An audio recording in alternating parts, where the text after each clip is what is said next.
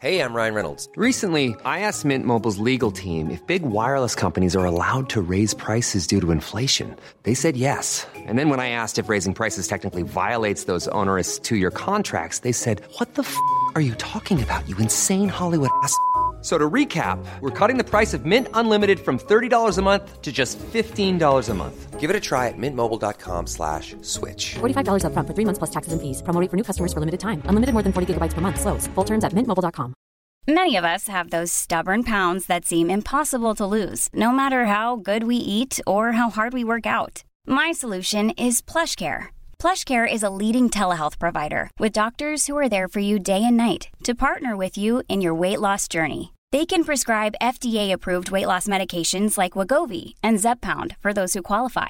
Plus, they accept most insurance plans. To get started, visit plushcare.com slash weight loss. That's plushcare.com slash weight loss. Mother's Day is around the corner. Find the perfect gift for the mom in your life with a stunning piece of jewelry from Blue Nile. From timeless pearls to dazzling gemstones, Blue Nile has something she'll adore. Need it fast? Most items can ship overnight. Plus, enjoy guaranteed free shipping and returns. Don't miss our special Mother's Day deals. Save big on the season's most beautiful trends. For a limited time, get up to 50% off by going to BlueNile.com. That's BlueNile.com.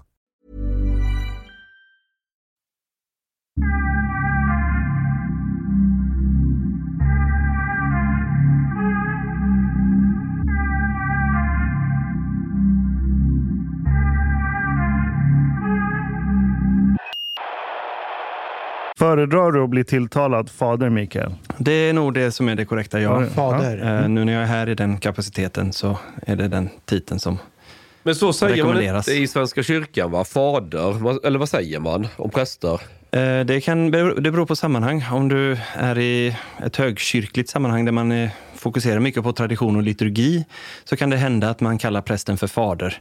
Men så har du ju kvinnliga präster också och då skapar det ett problem. Vad säger man då? Jag vet inte. Eh, nu, nu, nu var det ett ord här som Hanif inte vet, liturgi. Nej, Vet lit, nej. Liturgi. Liturgi från grekiskans. Lit någonting måste vara med någonting med böcker någonting. Litterär tänker jag på. Nej, det är Nej. folkets tjänst eller arbete. Aha. Alltså, du kallar en gudstjänst för en liturgi. Det är Ja, nej, det känner jag inte till alls. hu- Huvudnamnet på våra ortodoxa högmässor, alltså nattvardsgudstjänsten, kallas för liturgi. Ja. Så det är någonting som prästen och folket tillsammans frambär som en eh, offergåva till Gud kan man säga. Man, man, man kan säga så här att när, när man går till kyrkan och du vet då när du precis håller på att somna i kyrkbänken Hanif och tycker att folk är jättetråkigt och du pillar på telefonen. Så sker ju en massa Chang, saker. nu pratar om dig själv. Jag tycker aldrig att det Då, då, då sker ju en massa saker i en kyrka. Som exempelvis. Eh, ja, prästen brukar till ex- eh, är du i en katolsk församling exempelvis och så läser han eh, någon bön, man sjunger någon sång och sen ska man sitta ner, sen ska man stå upp och det, det är en massa olika moment liksom innan gudstjänsten är slut. Och en ortodox gudstjänst, de är ju nästan ännu mer coola. Det är lite mer hårdrock för då är det rökelser och man svingar med, du vet, och det är hela konkarongen. Och, och det är så här traditioner som går tillbaka, liksom, ja det är väl ett par tusen år måste det väl vara. Ja, ja, alltså ortodoxa kyrkan går tillbaka ända vägen tillbaka till Jesus och apostlarna. Det är det som är själva grejen. Men hur, hur ser ni på Svenska kyrkan idag? Om man Eh, säger. Wow, ja, pang på. Pang på. Ja, men om, om man är ortodox, jag vet, ni känner till ortodox? Nej, man, men det var det jag tänkte ställa frågan. Det kanske du kan förklara, Chang? Eller, eh, Alltså, ja, kanske- har en präst här. Så här, jag vet inte om... eh, Det kanske kan vara, ge en liksom crash course i vad är ortodoxa kyrkan? Ja, tack. jättegärna. Eh, kör grund, grunderna. Okej. Så eh, i grund och botten, som jag sa, det är den kyrkan som går hela vägen tillbaka till Jesus och hans apostlar. eh, Som man då läser om i Bibeln. Ehm, Får jag ställa en dum fråga redan där? Kör på. Apostlarna, vi- vilka är det? Är det några som... Apostlarna är de tolv lärjungarna först och främst. Jesus hade tolv lärjungar. Jag visste inte till att de var apostlar. Nej, just det. Men jag tror de var bara okej, förlåt, kompisar förlåt. som hängde. Ja, vid- det var de också. Det var de också, ja precis. Fast, ja, Jag det det. var ett ungdomsgäng som hängde och käkade Okej. middagar med varandra. Ja, men jag tar många saker för givet, så det är bara bra med, det finns inga dumma frågor. Så bara shoot, ställ de frågor som du har, eller som ni har. Ehm, och, eh, och kyrkan eh, fanns i ungefär tusen år. I någorlunda frid och fröjd kan man säga. Eh, kraftig förenkling såklart. Men och man hade vissa saker som man behövde brottas med och handskas med, som alltid händer i, ett historiskt skeende. Ehm, och det fanns fem stycken tidiga centra, kyrkliga centra i den gamla romerska världen. Jerusalem såklart, Antiochia, Alexandria i Egypten, Konstantinopel och Rom. Men påven, biskopen i Rom, började så småningom odla vissa egenheter. Så på 1000-talet så skedde en splittring. Till exempel påvens anspråk på eh, auktoritet över den världsvida kyrkan. Som, i- det, det där kommer jag ihåg från gymnasiet och Ja. när man läste religionskunskap. Men, men Öst och. Västrom delades ju på 600-talet. Var det inte där vi hade den första? Östrom var ju Konstantinopel. Ja, det där är världsliga eh, skeenden då, alltså de politiska är poli- och historiska skeendena. Okej, okej. Som, så kejsar Konstantin flyttade sin huvudstad till staden Bysans, senare Konstantinopel, på 300-talet. Miklagård heter den egentligen om vi ska vara riktigt Om vi ska an- vara- anala. Ehm, Så ortodoxa kyrkan, de här fyra stycken centra då, som jag nämnde, de finns kvar fortfarande idag och så har det tillkommit andra. Eh, Kiev, Moskva, eh, Bukarest, Belgrad och så vidare. Så idag så finns det kanske 16 stycken självständiga ortodoxa kyrkor runt om i hela världen. Eh, Om jag har den siffran rätt, eh, men något sånt och då är de självständiga alltså? De är självständiga. Från varandra och så? Ja, precis. Så Kiev, eh, ortodoxa kyrkan i Kiev kan bråka med ryska ortodoxa kyrkan? De bråkar rätt mycket. Eh, ja, let's not go there. alltså, ja, precis. Ja, men det händer alltid att man bråkar. Som syskon bråkar i en familj, Ja, ja. eh, så bråkar man lite grann. Det hör liksom till. Ehm, Vad men- bråkar man om? Ja, allt möjligt. Vi, vi går inte in på det. Eller, vi, eller, eller? gå in på det. Är det så? Nej, jag, men alltså, jag, jag är inte så intresserad av det världsliga, att det kan vara nationella konflikter och så. Men är det teologiska bråk främst? Ja, det kan vara teologiska bråk, men det kan också vara en del eh, vad ska man säga, administrativa frågor och sånt där. Okej. Ofta så bråkar man i tio år och sen så slutar man. Tio år? Ja, något sånt där. Ja. Ni måste förstå att ortodoxa kyrkan är en väldigt, väldigt långsam kyrka. Eh, Det går inte med blixtens hastighet, eh, utan saker och ting och det är också en av den kyrkans eh, styrkor. Att den eh, ja, tar sig långsamt fram genom historien. Och eh, ja, hur som helst, 16 stycken självständiga kyrkor, så vi har inte då den här tanken på påven som en enande karaktär i vår förståelse av vad kyrkan är, utan snarare så har vi ett konciliärt, eller vad ska man säga, ja, konciliärt, vi kommer samman i eh, möten, kyrkomöten, där vi tillsammans försöker besluta saker och ting. Eh, och eh, vi kan inte lämna all auktoritet till en jordisk person eller instans. Om man tänker på det, i den katolska kyrkan så har påven fått väldigt hög auktoritet. Eh, i, det brottas man själva, det är en sak i sig i den katolska traditionen. Men när reformationen kom då på 1500-talet, det är ju, Sverige är ju då ett eh, land i reformat, reformationens anda, ett lutherskt land. Och det har vi varit i 500 år. Då bytte man, ut den, bytte man ut den ena auktoriteten, påven, till en annan auktoritet, skriften. Skriften alena, så Bibeln alena. Och eh, det var liksom reformatorernas svar på eh, katolska kyrkans missbruk under medeltiden.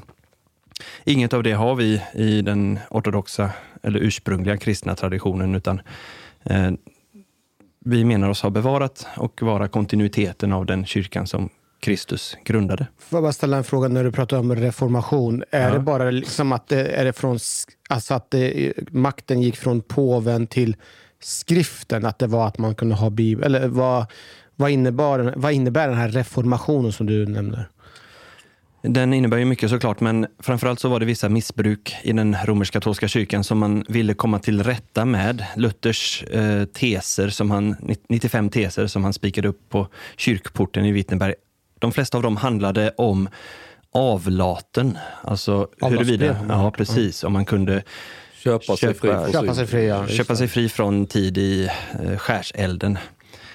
Men det kom att omfatta ännu mer av olika typer av missbruk. Och just påvens roll och auktoritet är en av de sakerna som man eh, eh, gjorde det. kritik mot. För, för det här med avlatsbrev, var inte det en slags korruption där prästerna gynnade sig själva på något sätt? Att man hittade på ett brev, du kommer inte brinna så mycket i helvetet om du sticker till med lite pengar här så Säkert förekom korruption, men i Men vad var grundtanken tog pengarna så... vägen då? Peterskyrkan i Rom till exempel byggdes med hjälp av det. Jaha. Alltså, du, det, pengarna gick ju till att investera i kyrklig struktur. För i, i- idag har man ju så här, man kan miljöcertifiera sig. Det är också ett slags avlatsbrev. Eller hbtq-certifiera sig Ja, och få visa att nu har jag betalt lite pengar, nu är jag god, nu är jag... E- Ekomarknaden är ju nutidens avlatsbrev skulle jag säga. Mm. Där du köper dig fri från synd genom att ha fair trade eller eko-odlat eller vad ja det ska vara. sånt. Ja, man inte säga så med flyget också? När jag ska till exempel flyga med bra flyg Yes. så eh, kan jag betala för att plantera träd och grejer. Alla fattar ju att det är... Eller Fan. biobränsle. Nu, har, nu kör de med bio. Biobränsle, ja. ja. Du, du, köp, du bara lägger på 500 spänn på din biljett och så ska det komma någon sorts biobränsle in i tanken. Ja, men inte bara det att du köper avlat, utan du köper det också en bild av en dygdefull, att du är en dygdefull person. Ja. Eh, och ofta så kommer det upp sån här, när du har köpt biljetten med 500 kronor extra, vill du twittra om det? Och, Klart. men, men sånt sysslar inte ortodoxa kyrkan med avlatsbrev? Eh, nej, vi har inte, vi har inte haft den, eh, ja, det N- bruket i när vår kom tradition. avlatsidén till? För den är väl inte med ursprungligen? va? Nej, jag kan inte svara på det exakt när den dök upp. Men den är inte ursprunglig så att säga? Nej. Okej. Den största skillnaden mellan eh, ortodoxa grenen och katolik, är det påven om man drar det väldigt liksom, generellt? Ja, det är en av de två stora sakerna skulle jag säga. Den andra stora frå- frågan som är stor teologiskt är ett tillägg i trosbekännelsen. Varje gudstjänst så ber vi en, säger vi en trosbekännelse. Jag tror på Gud Fader och så vidare. Eh, Och man gjorde ett, eh, den trosbekännelsen som vi läser är skriven och författad på sådana här möten som man kom samman för att göra. Eh, Och därför så, på grund av att den är författad på ett sådant möte så äger den auktoritet. Men så var det några som la till separat och egenmäktigt ett tillägg angående den heliga ande. Men, men det tillägget, är det katolska kyrkan som sysslar med det tillägget? De har gjort tillägget, ja. Jaha.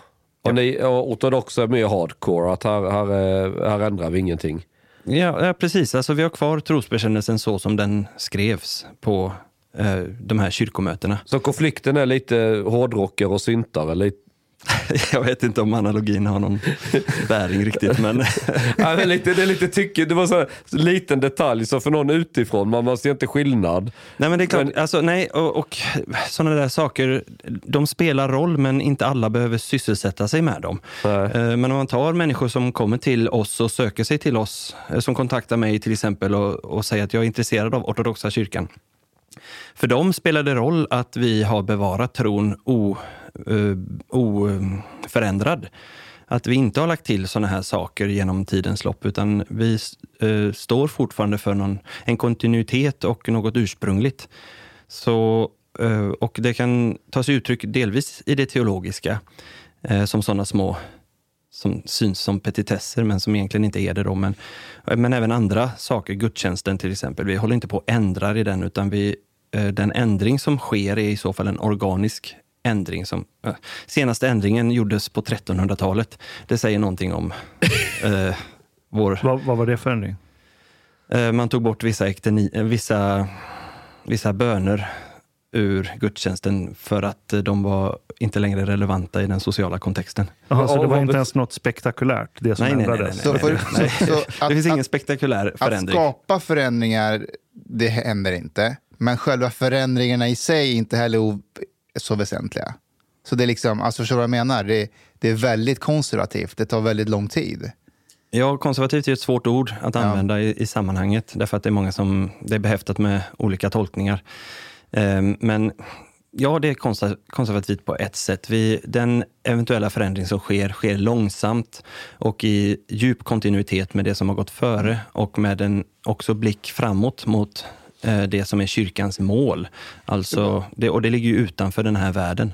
Om vi tittar på två personer, en katolik och en som är ortodox. Vi ser att de inte har någonting med... Liksom, alltså de, de, de, vi ser att de är djupt troende, eller religion är en viktig del av deras liv, men de är inte liksom, i kyrkan och så. Hur ser deras liv ut? På vilket sätt skiljer sig deras liv och, alltså, i, i, i relation I till tron? Då? ja. precis. Ja, men jag är katolik, jaha, okej, och jag är ortodox. Hur, hur ser det ut? Mm, jättebra fråga.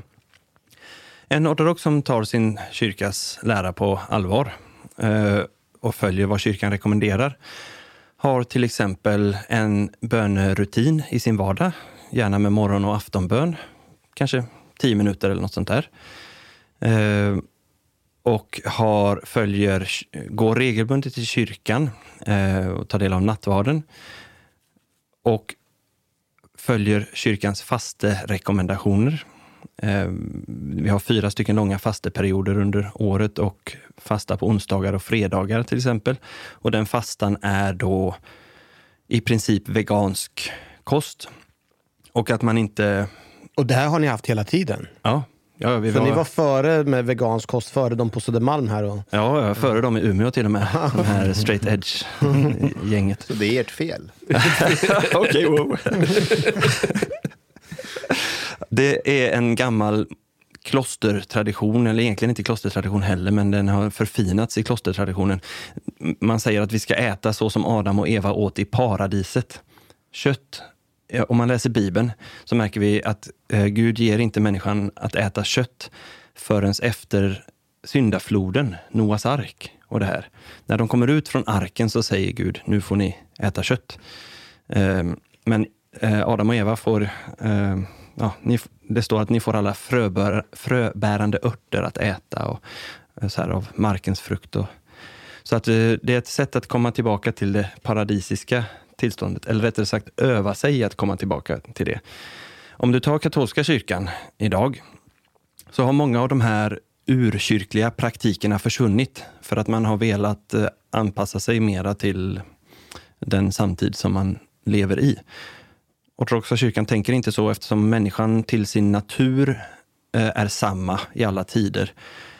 Eh, och därför så är medicinen för människans natur samma också i alla tider. Och det gäller bara att människor eh, lyssnar till, alltså människor i kyrkan lyssnar till det budskap som kyrkan har. Människor utanför kyrkan kan inte vi säga att ni ska hålla på och fasta och ni ska göra si och så. Det blir helt irrelevant för det är inte förankrat i den människans egna omvändelse. Skulle man kunna säga att ortodoxa kyrkan är den här föräldern som inte anpassar sig efter trender och så, utan det, det är det här som gäller i alla tider, generation efter generation. Det är de reglerna som gäller. Skulle man kunna säga att det är en sån sträng förälder, eller inte sträng, men en som är bestämd i sin, sin uppfattning? Ja, men det är bra att du ändrar från sträng till bestämd kanske. Alltså, det finns, man kan vara auktoritär eller auktoritativ. En auktoritär förälder lyssnar inte på sina barn och eh, omfamnar dem heller, kanske inte i kärlek. En auktoritativ förälder eh, lyssnar, men är tydlig, omfamnar sina barn, talar om för dem att eh, han eller hon älskar dem eh, och så vidare. Men är tydlig med att här gör vi på detta viset. Hur detta går det, är vår familjs... Hur går det här ihop med barnkonventionen och så? Va? Du, du skrattar. Direkt. Han tänker på barnkonventionen. Men barnkonventionen har ju blivit lag i Sverige. Nu har vi ju, alltså att bar, alltså samhället ska ju anpassa sig efter barnen. Ja, nu, nu får de ha mobiltelefoner på SIS-hem och sånt där. Det är ju också barnkonventionen. Ja, det är en del. Ja, men det är ju. Alltså, det är väl kanske en del av problemet. Ja, lite så. Menar du att det är... Vadå? Nej, jag, det är väl inget problem med barn. Mobiltelefon på SIS-hem är problem. Men eh, jag förstår inte frågan riktigt. Menar du att... Du, eh, jag menar på att det finns en konflikt där mellan... Det moderna samhället, eller? Ja, med, där, man ska till, där barnen ska vara med och bestämma. Aha. Eh, barn ska tillåtas, eh, man ska rådgöra med dem och de ska gärna få vara... Det kanske är fel att säga att barnen ska Fast vara med och bestämma. Nej, Nej det, är inte, det är inte fel. Det, du, du sa något som var väldigt intressant. Det är att ni utgår ifrån att människans natur alltid är densamma. Och jag tror att det är det som är kärnan i mycket av det som är modernitet idag, som många kritiserar. Att det finns en underliggande förväntan att människan på något sätt kan bli så moraliskt bättre. Att människan utvecklas moraliskt hela tiden. Det finns en, en progressiv tanke i det moderna samhället, att Exakt. människan utvecklas moraliskt. Exakt. Ja, men där, det är ju ganska roligt att eh, det var ju modernismens idé och eh, sekularismens idé, eller vad man ska säga, upplysningen egentligen.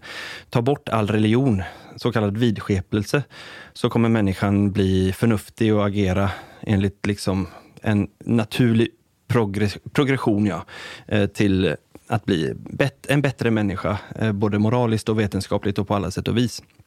Men, men vad man fann, ja först kom världskrigen och, och grusade den tanken på vissa plan. Men ändå lever den kvar, eh, därför att vi är materialistiska i vår del av världen och, och eh, kan inte se bortom det som vi kan ta på eller uppleva eh, med våra sinnen. Eh, så vi tänker fortfarande att vi eh, går framåt etiskt och moraliskt, men det blir mer och mer förvirrat och går mer och mer bort från någon form av eh, skapelsegiven tanke om vad en människa är, så som då kyrkan tänker. Ehm, det där tåls att tänkas på även om man inte är troende såklart. Alltså det finns ju memer som talar om detta ganska så bra. Om att eh, skönt, nu har vi gjort oss av med all religiös vidskepelse. Och så är det någon som tar upp en bok med så blir män havande. Eller något sånt där. alltså, det blir ju bara ganska så märkligt.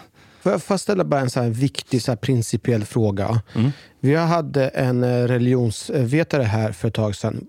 David. David. Thunfjell. Och han pratade om att när man pratar om liksom historieböcker, religion, det är inte all, alltså ibland så kan man se saker och ting på ett symboliskt plan, men det är inte alltid så att de som är troende eller lärda så att de bokstavligen tror på allting. Att ta, om vi pratar till exempel om Adam och Eva eller Noas ark och så. Hur ser du på de här delarna? Ser du det mer så här symboliskt eller ser du mer Att det här har hänt. att det har hänt på riktigt och det är så vi ska förstå om världen? Nej, alltså om man ser på Bibeln så är det viktigt att förstå vad det är för bok som, och vad det är den vill förmedla. Eh, vad är det teologiska budskapet? I många av de här berättelserna som vi läser, som är flera, flera tusen år gamla, så har referensramarna för oss gått förlorade. Eh, och därför blir det väldigt svårt för oss att förstå. Om man tar då skapelseberättelsen så finns det en väldigt intressant eh, bild om man ser hur man eh, byggde hedniska tempel i Mesopotamien för flera tusen år sedan. Så byggde man en... eh, Babylons torn var väl... Babels torn till exempel Ja. är exempel på det. Eh, som jag nu ska förklara. Ja, förlåt. Man, byggde, man ville då manipulera gudarna, så man byggde en trädgård till gudarna på ett högt berg, gärna. Och man byggde en lerstaty av guden.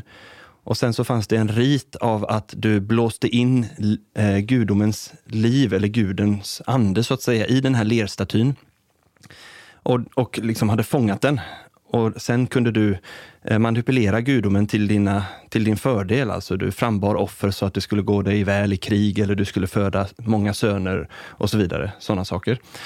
Om man då läser eh, skapelseberättelsen i första Mosebok så ser man att det finns väldigt många paralleller, men det är som att eh, skapelseberättelsens författare, eller att Gud genom dennes penna vill förmedla hur det verkligen ligger till. Och det är inte så att vi kan fånga honom som är verklig Gud någonsin i en liten lerstaty. Detta är ett tema i hela Gamla Testamentet för att ja, Israels folk hela tiden försöker ändå tillbe avgudar. Men istället är det Gud som eh, på ett berg bygger en trädgård eh, i vilken han placerar sin avbild, människan, av stoft eh, från jorden. Och det är han som blåser in sitt liv i den och betjänar människan genom att ge den det paradisiska tillståndet.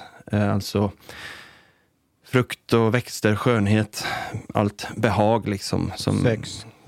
Ja, det är vissa kyrkofäder som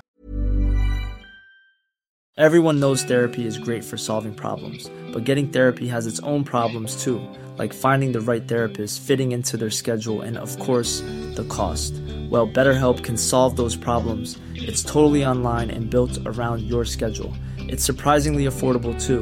Connect with a credentialed therapist by phone, video, or online chat, all from the comfort of your home. Visit betterhelp.com to learn more and save 10% on your first month. That's BetterHelp, H E L P. Quality sleep is essential. That's why the Sleep Number Smart Bed is designed for your ever evolving sleep needs. Need a bed that's firmer or softer on either side? Helps you sleep at a comfortable temperature? Sleep Number Smart Beds let you individualize your comfort so you sleep better together. JD Power ranks Sleep Number number 1 in customer satisfaction with mattresses purchased in-store. And now, save 50% on the Sleep Number limited edition Smart Bed for a limited time. For JD Power 2023 award information, visit jdpower.com/awards. Only at a Sleep Number store or sleepnumber.com. Det råder delade meningar. kan vi säga, av, av våra helgon. Men, men han skapade både Adam och Eva av en anledning ju. Ja, absolut. absolut. Eh, ja, Okej, vill ni gå Nej, okej, in vi, på det vi, ämnet? vi, vi, vi, vi, kan- vi skippa den Vi detaljen. kan spara det till sen, men eh, poängen nu är i alla fall... Jag, vill gärna gå in i det. Ja, vi kan göra det sen. Men vi, poängen just nu är hur ska vi tolka bibelberättelsen? Så den här bibelberättelsen är Eh, eh, det berättar för oss, inte att vi kan fånga Gud och manipulera eh, de som kallar sig för gudar. Utan Gud är så mycket större, har skapat hela världen, har skapat oss. Det är från honom som vår livsande kommer. Det är på grund av honom som vi lever. Och det är också av honom vi har fått hela skapelsen som en gåva. Så det är en viktig teologisk poäng då att ta ur från eh, bibelberättelsen i sig. Jag tror inte personligen att den är skriven som en vetenskapsbok i den det. bemärkelsen att vi har från efter 1700-talet. Det blir Just en det. anakronistisk läsning. Eh, och eh, ja, det är heller inte nödvändigt för, Mm. för vår tro att tolka den på det sättet. Får jag ställa en annan fråga, Fader Mikael? Jag bara undrar, eh, du idag Fader Mikael, men vem var du innan du blev Fader Mikael? Vad har du varit med om? Vad, hur kom du in i den banan och blev en fader? Liksom? Mm. Eh, ja, innan jag var fader Mikael så var jag bara Mikael. En helt vanlig kille. Och vad gjorde du då? då? Eh, nej men jag är född och uppvuxen i en svensk kyrklig familj. Så min pappa är präst i Svenska kyrkan. Okej. Eh, och eh, jag har sju syskon. Så en ganska stor familj. Och eh, ja, varit i kyrkan varje söndag och suttit eh, längst bak i kyrkbänken och klottrat på papper. Prästson kan man kalla det. Prästson, Och De är ju ja, oftast precis. värst. Ja, värst vet jag inte om jag var, men i alla fall. Mm. Ehm, Men jag tänkte eh, så småningom att jag skulle bli präst själv och började, påbörjade den resan genom att eh, studera teologi på Göteborgs universitet och också påbörja processen med domkapitlet i Svenska kyrkan i Göteborg. Så ser det ut att man ska också påbörja ett ärende med kyrkans eh, egna administration, så att säga. Men under studiernas gång så var det två saker som hände. Dels så kom jag i kontakt med urkyrkan då. Alltså om, om ni tänker er de här kristna författarna som levde och verkade och skrev faktiskt eh, lite grann direkt efter apostlarna. Alltså tiden direkt efter Jesus och så. Det finns bevarat och mycket finns översatt på svenska. Och, eh, jag började läsa det, tänkte aha, det här känner jag inte riktigt igen i Svenska kyrkan idag. Men när du, när du skulle gå eh, och utbilda dig så här, eh, tvekar du på, på den tron redan, alltså innan du kom i kontakt? Tvekar du någonsin på din religiösa tro att ah, men nej, kan det här vara 100% sant? Eller lajvar de här människorna? Eh, eh, Förstår du vad min fråga är? Eller känn, vacklar du någon gång i, i tron? Jag har haft en period av vacklande eh, Under- i min ungdom. Ja. Eh, så att det kan man väl säga att jag hade gjort upp med tidigare, Ja. just den frågan. Eh, för mig har det varit ganska självklart med den kristna tron under stor del. Man kan ju säga då att ja, men det är bara för att du är prästson. Men jag kan säga att det är kanske tack vare att jag är prästson. Jag är väldigt glad för det. Att jag har det är många idag som inte vet någonting om kristen tro. Det de vet är felinformerat av nidbilder eller eh, s- ja, parodier på, på den kristna tron. Jag har sett genom mina föräldrar äkta och genuin levande kristen tro eh, utlevd. Och det är något som jag är väldigt tacksam för. Så stark barnatro, men också något som jag har behövt göra till min egen tro i, ja, Och när du säger att du, du har gjort det till din egen tro, är, rättar man fel, men är inte det en konflikt mellan den ortodoxa och den svenska? Eller är jag ute och svamlar? Eh, nej men, jag, när jag säger min egen tro så menar jag min egen, alltså en, min egen, jag tar ansvar för min egen tros utveckling. Okej, och det är någonting som alla måste göra. Även om man döps som barn, som ortodox, så är det ändå så att du behöver eh, se till att den tron blir något som blir levande och verksamt i ditt vardagsliv. Så det är inte så att eh, ja, du behöver göra det levande Mm. för dig själv helt Mm. enkelt. Ehm, Och du kom i kontakt med den här urkyrkan. Precis, Ja. och eh, sen så kom också en vän eh, tillbaka från en resa i USA och hade just varit inne i en ortodox kyrka då och sa, kom tillbaka och sa att ja, men hör du, jag ska ta och bli ortodox. Och så eh, vart jag väldigt intresserad och ville följa med till hans gudstjänster. Och där kände jag igen fortfarande det jag hade då läst. Där fanns det kvar, det som jag hade läst om i urkyrkan. Eh, så ja, jag sökte vidare. Jag läste så mycket jag kunde. Jag är lite, något av ett läshuvud, så det är mitt sätt att tillägna mig kunskap. Och eh, tyckte mig se en röd tråd genom historien från eh, apostlarnas dagar, från Jesu tid till eh, vår tid nu. är En bevarad, ett sätt att vara kyrka och uttrycka tro på som var bevarat i den ortodoxa traditionen. Eh, som jag upplevde var förvanskat på olika sätt i den eh, romersk-katolska och lutherska traditionen. Då. Är är inte det ganska... Om vi går tillbaka till vår prästson. Mm. Är inte det den ultimata revolten mot pappa? Nej, eh, tvärtom. Alltså jag har, eh, pappa har, både pappa och mamma har alltid talat med stor respekt för de gamla kyrkorna. Eh, pappa hade eh, en armenisk studiekamrat under sin studietid till exempel och han har alltid pratat mycket om folkmordet på armenier och kristna i, Tur- i Osmanska riket. Ehm, så det var inte så mycket uppror. Det var, för mig var det en nödvändighet. Alltså, det fanns saker i Svenska kyrkan som jag upplevde brast.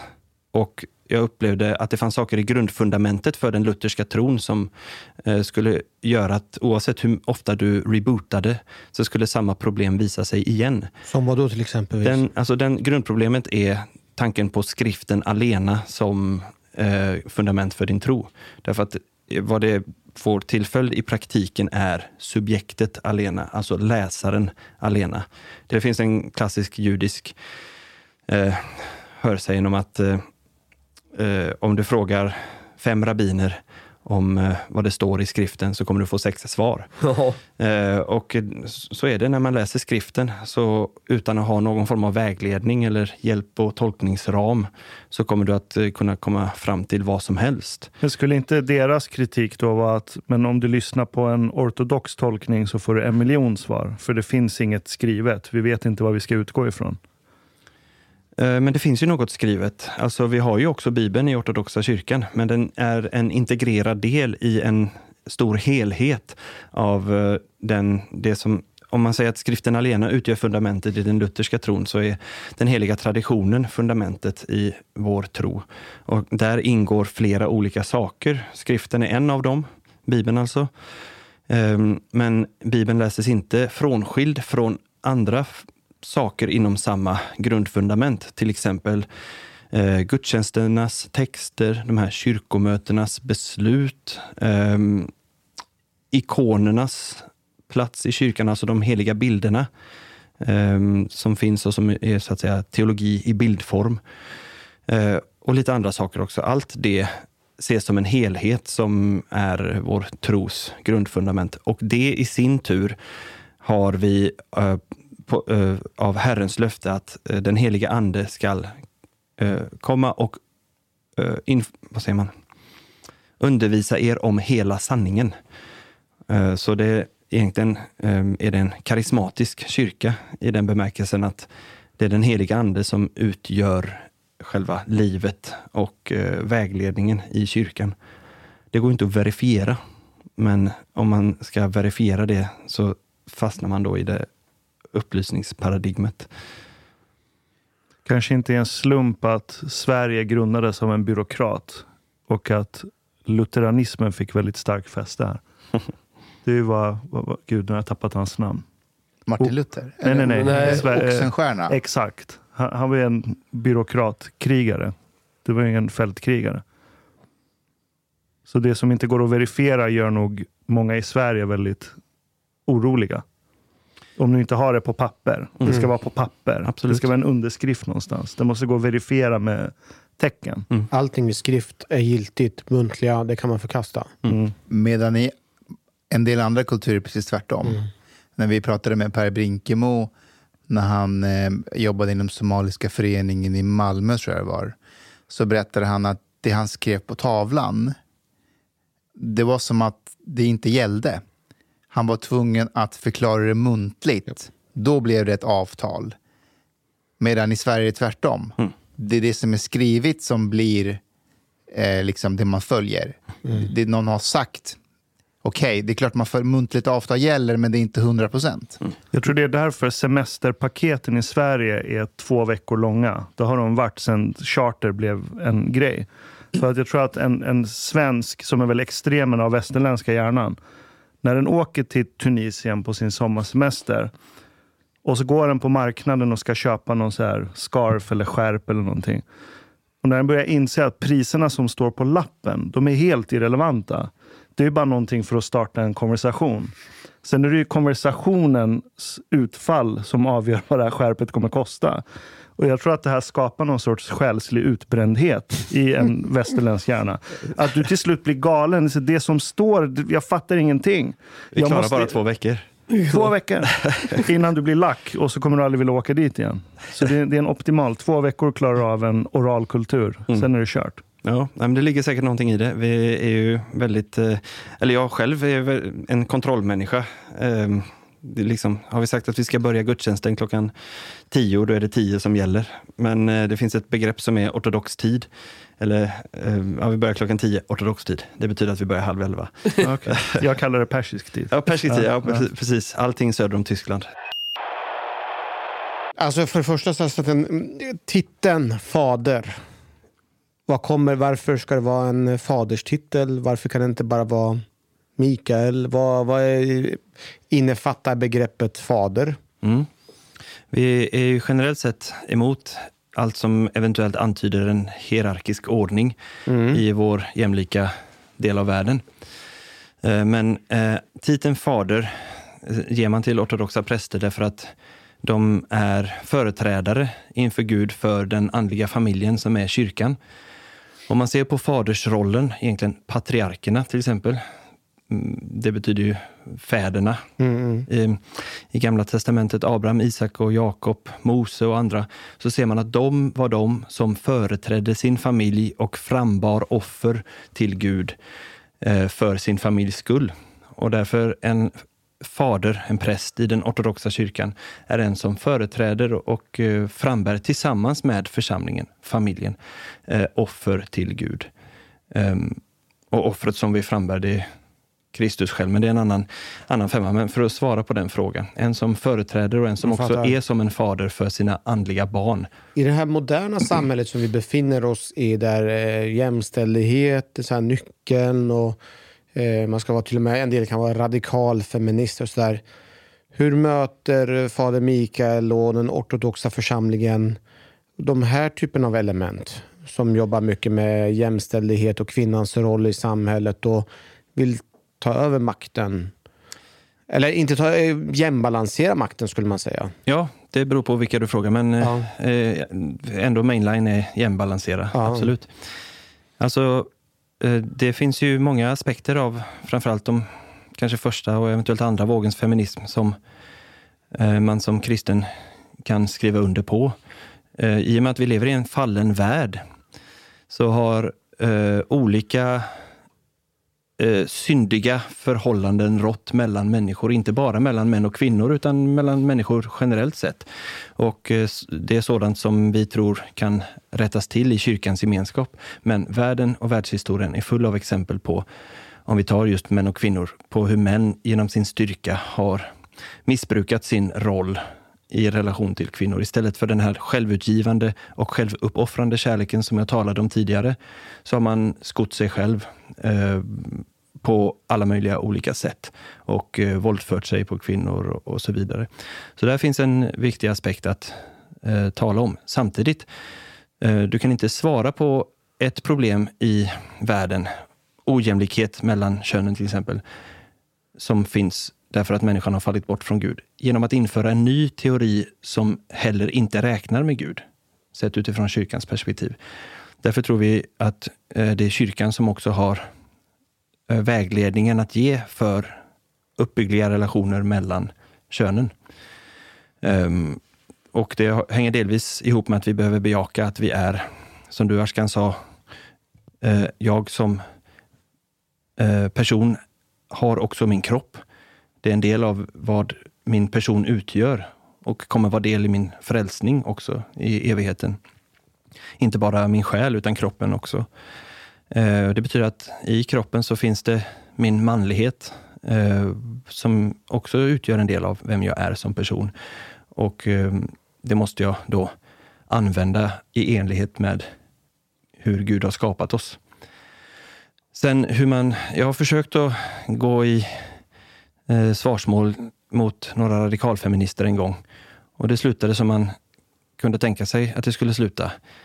Nämligen att de eh, inte bemötte vad jag sa utan kastade olika invektiv mot mig. Men, men du är ju så att säga en företrädare för patriarkatet bokstavligen. Ja, jag hör till Antiochias patriarkat. Ja. Alltså, det heter ju så för att vår främsta biskop är patriarken av Antiochia. Men det är ett annat eh, patriarkat än vad, vad som finns i den teoribildningen. Om, om, om jag skulle gå med i den ortodoxa kyrkan, kan jag då utan att ljuga säga att hej, det är jag som är patriarkatet? Ja, om du vill. Men när man säger krossa eh, patriarkatet, det är inte dig man ska krossa eller? Nej, det är inte ortodoxa kyrkan man egentligen syftar på. Det är ju Nej, det är strukturen, men det, det är en han är tanke, ju det, med. är, alltså det, är en, det är en del av en struktur inom den radikalfeministiska filosofin. Ja, så det, är en, det är en grej Men, men som kan, de du, får kan du berätta för. det då? Vad, vad patriarkat i ert sammanhang, vad är det? För du var inne på att det är inte det sorts patriarkat som radikalfeminismen Nej, jag sig tror mot. eh, att eh, om Eh, radikalfeminismen vill tala om patriarkatet utifrån den fallna världens premisser och sett då det som jag beskrev att eh, män har skott sig på kvinnans bekostnad. Eh, däremot så har man kanske inte alltid sett att även kvinnan har maktmedel att begagna i relation till män.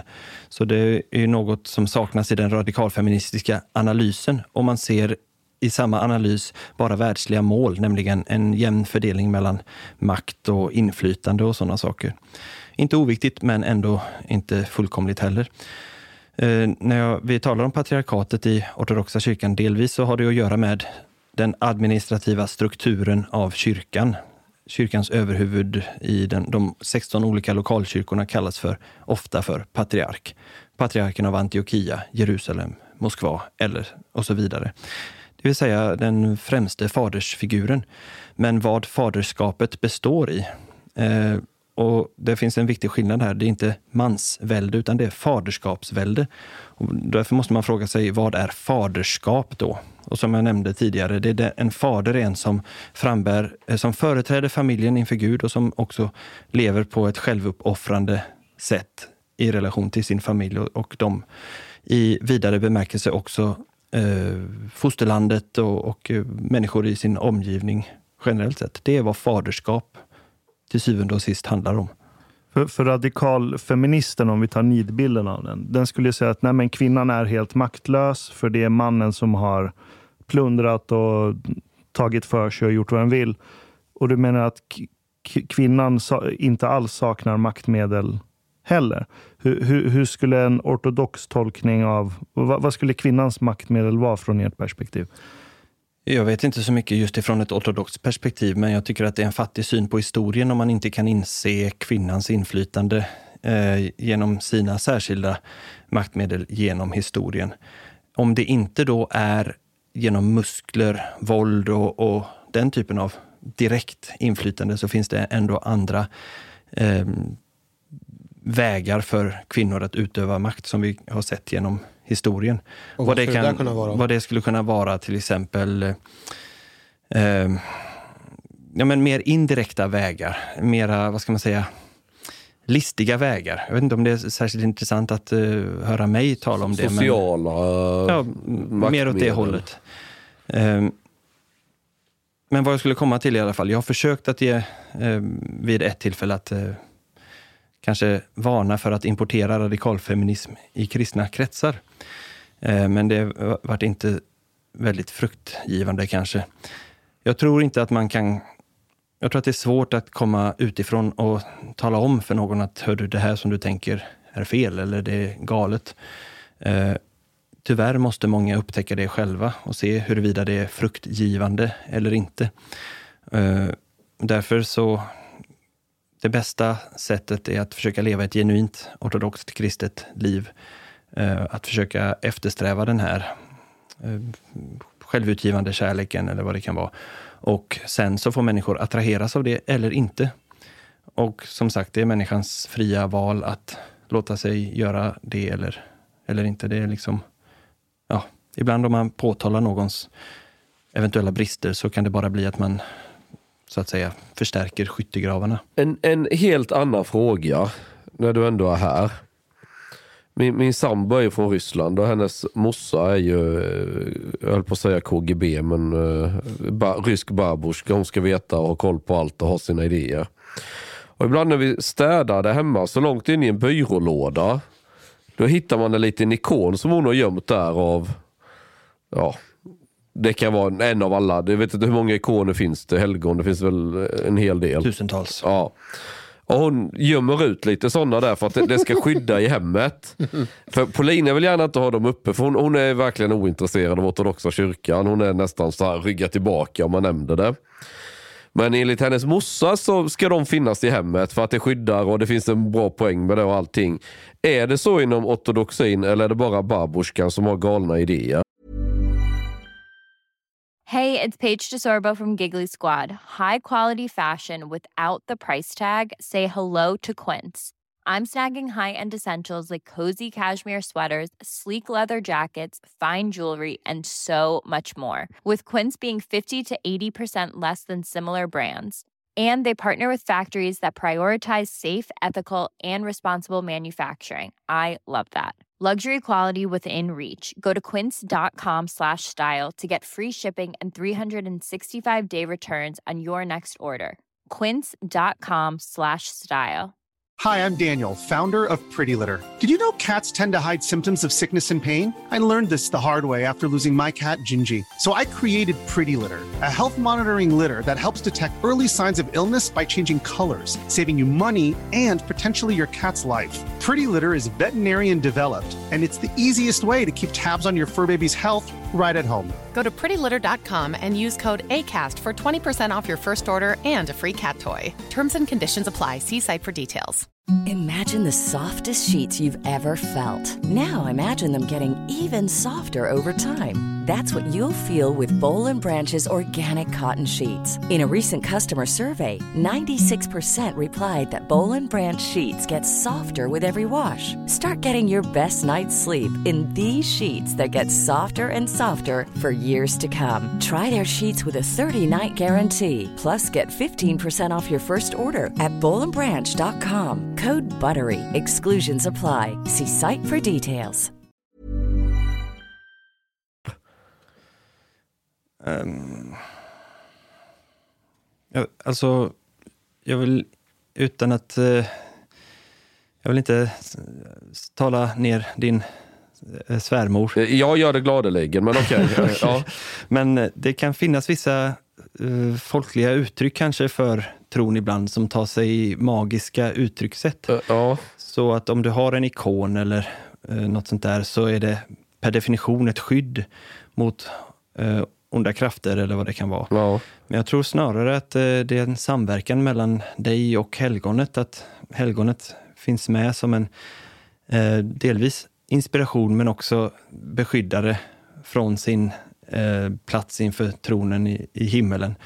Ehm, men också genom att du också lever i samstämmighet med det kristna livet som helgonet på ikonen eh, ger exempel på. Så att du också genom ikonen påminns om att vända dig till Kristus för hjälp.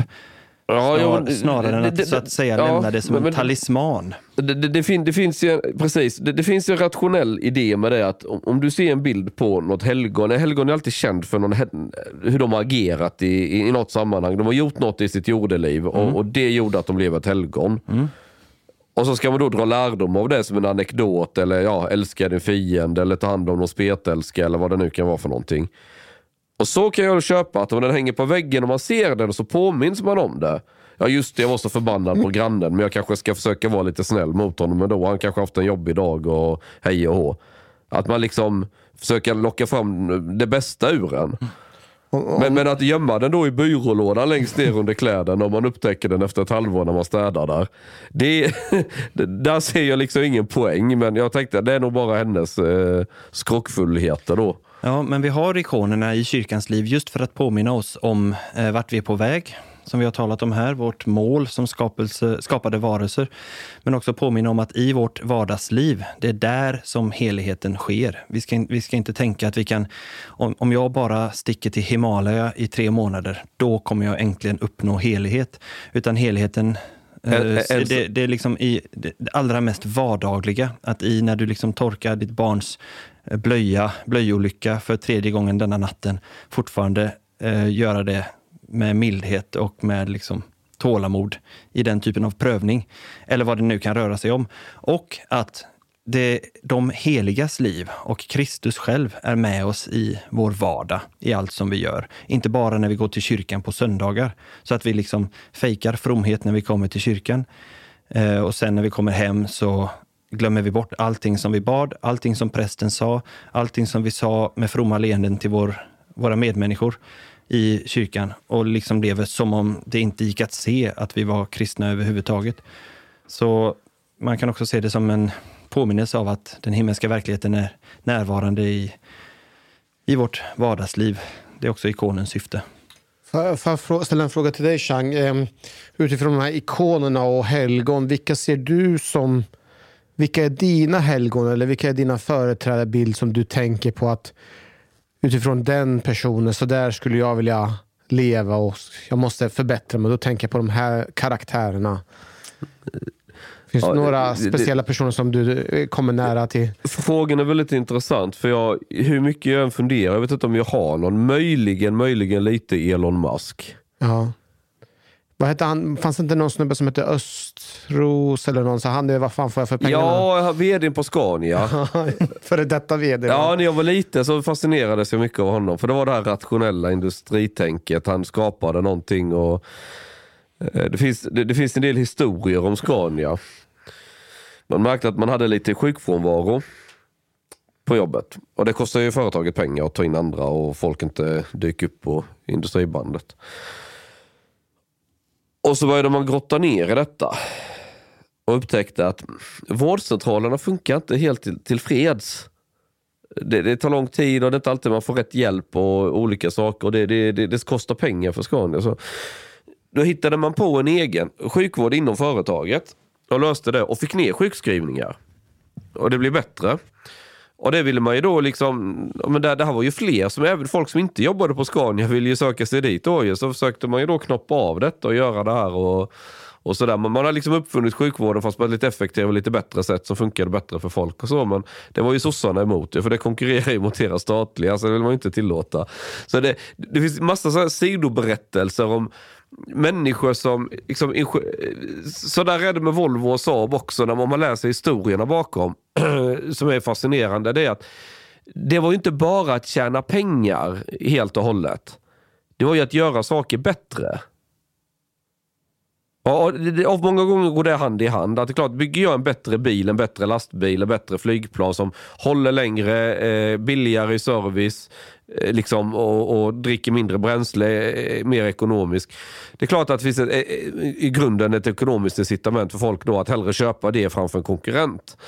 Men, men det var också en drivkraft i allt i övrigt att göra saker bättre. Försöka liksom eh, förbättra samhället. Inte utifrån några galna flummiga idéer utan väldigt konkreta. Okej, här ser vi problem människor i sin vardag. Vad kan vi göra för att lösa detta så att eh, likadant i byggbranschen. Man vill få bort radon i hus eller risk för mögel eller något annat. Ja, men då hittar man på nya byggtekniker och gör dem billigare med det gamla sättet. Folk som verkligen tänker till och, och så här. Och Sånt där har fascinerat mig. Och eh, konkret, då är det, vilka, vilka karaktärer är det förutom Elon Musk? Vad är det som gör med honom som... Alltså det, kan Ja, det titta här- på Elon Musk och tänka så här, "Ho- som honom, nu ska jag sköta mig eller nu ska jag... Ja, eller- men Elon är en människa som drivs... ha- ha- Han, som jag läser honom eller förstår honom, syftet är inte att bli, bli världens rikaste person. Det, det var bara en grej på vägen. han har ett, ett annat syfte. Han, han vill förbättra saker. Han vill att människor ska leva längre. Att vi ska kunna... Han är rädd att mänskligheten kan dö ut. För det kan, eh, är vi bara på en planet så är vi väldigt eh, utsatta. Skulle något hända med jordklotet så upphör vi att existera. Därför ska vilja göra människan att han ska bo på fler planeter. Man kan tycka att det är en galen idé, men resonemanget, drivkraften bakom är ju ganska eh, det, det, det, kan man ju inte säga negativ. Han vill att människor ska kunna leva i framtiden och, och hela det här. Och, och, och han satsar allt på det kortet och gör allt vad han kan för att nå dit. Och, och ser ju nästan på väg ut att lyckas också. Och det är klart, det fascinerar mig.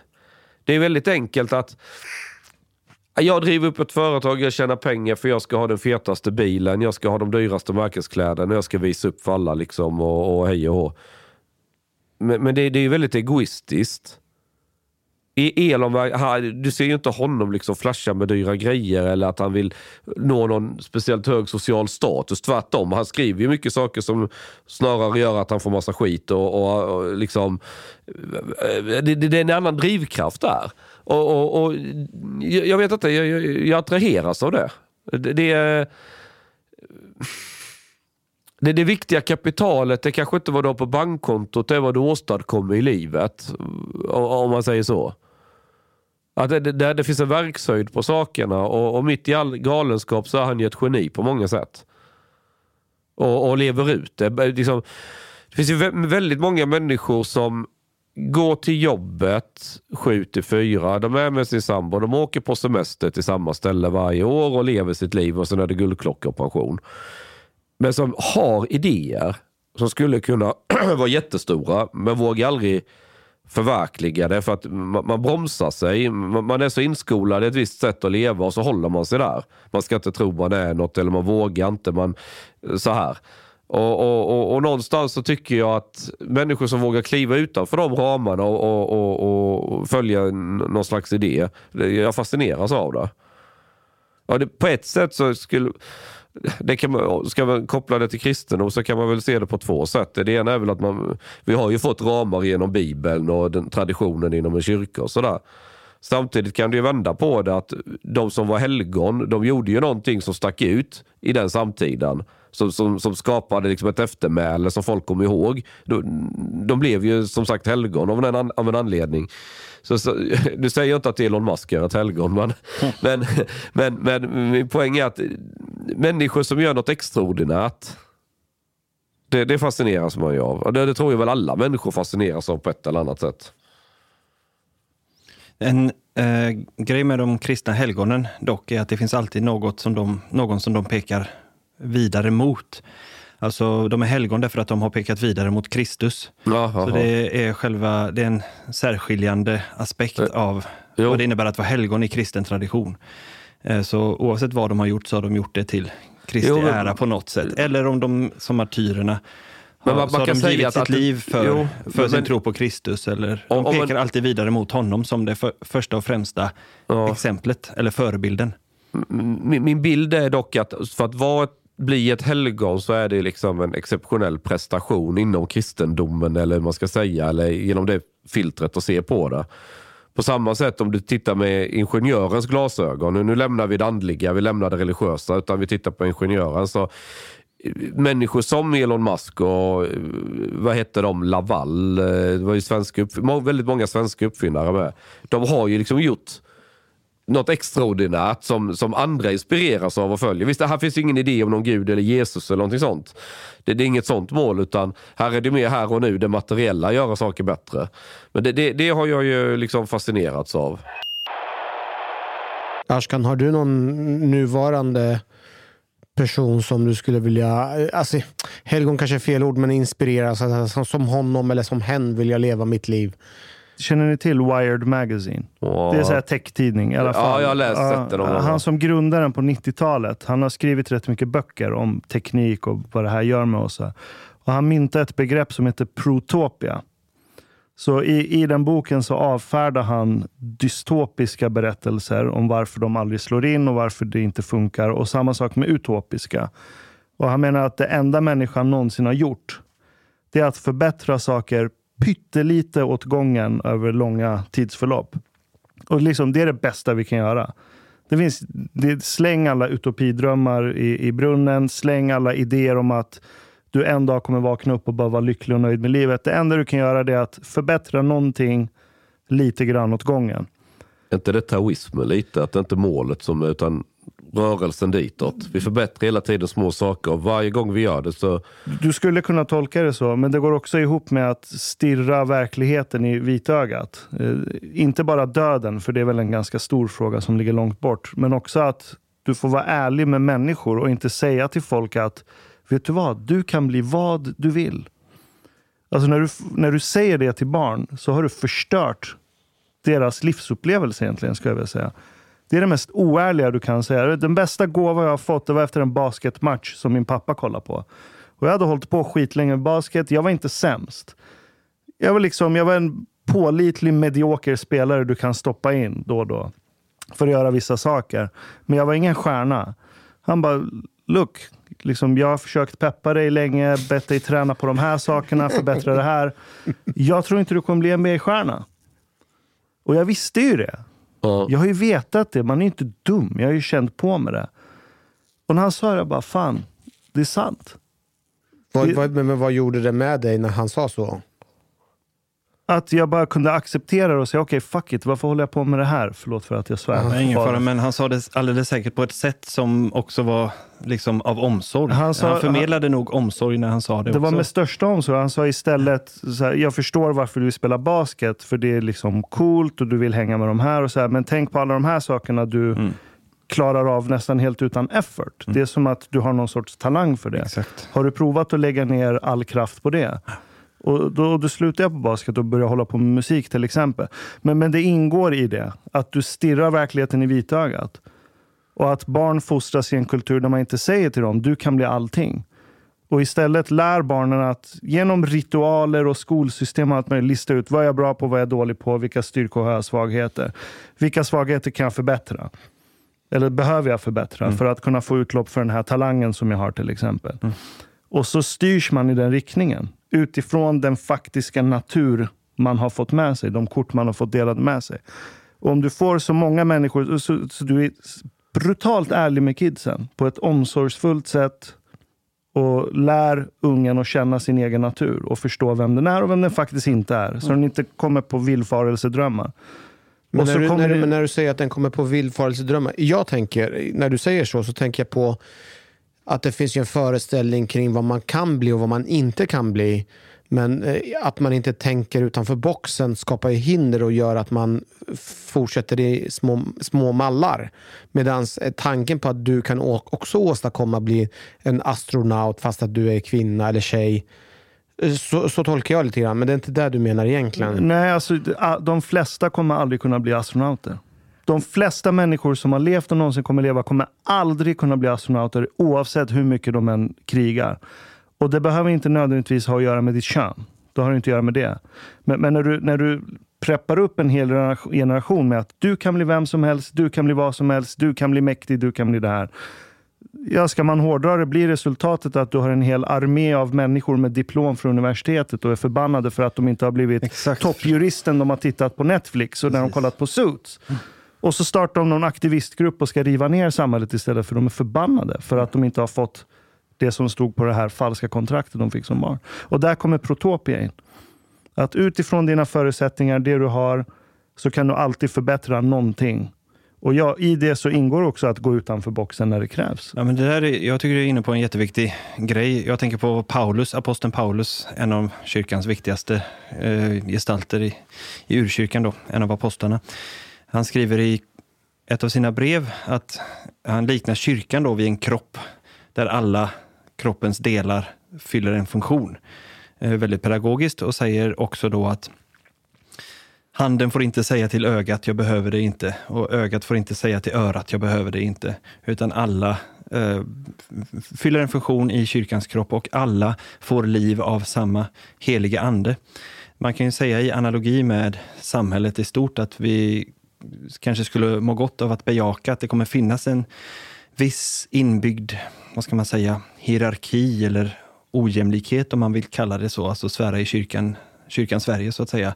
Men det kan hända att det finns en viss ojämlikhet, men att eh, samhället generellt kommer att eh, må bättre om man bejakar det, att vissa är mer lämpade för somligt och andra för annat. Där, dock måste det finnas frihet för människor att eh, få göra det valet själva. Men jag håller helt med dig att man får sluta säga att alla kan bli Mm. huvudet då, om man ska jämföra det med Alla kan Paulus inte bli patriarken. Alla kan inte bli patriarken, nej precis. Nej. Men, men eh, inom ortodoxa kyrkan finns det inte kvinnliga präster va? Nej. Nej. Om feministerna kommer och gnäller på er. Det... Okej. Du har lyssnat så här långt. På sista måltid. En mycket fin radioprogram i Sverige. Du tycker det är mycket trevligt. Men, lyssna på mig nu. Det här var inte hela avsnittet. Det var bara en liten smakprov. Hela avsnittet är nämligen mycket längre. Om du vill lyssna på alla hela avsnitten, då du måste betala biljett på klubb sista måltid. De har grabbarna de behöver pengar. Flis. Lax. Stolar. För att betala räkningar. Shoppa blodpudding till familjen. Oka tunnelbana.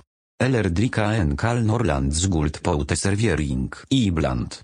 Läs i beskrivning för avsnitt, där det finns information för att bli medlem på klubb Sista måltid. Det kostar som ett par kaffe latte ute på torget. Per månad. Som ett paketerbjudande, helt enkelt. Lätt som en plätt. Tak, min vän.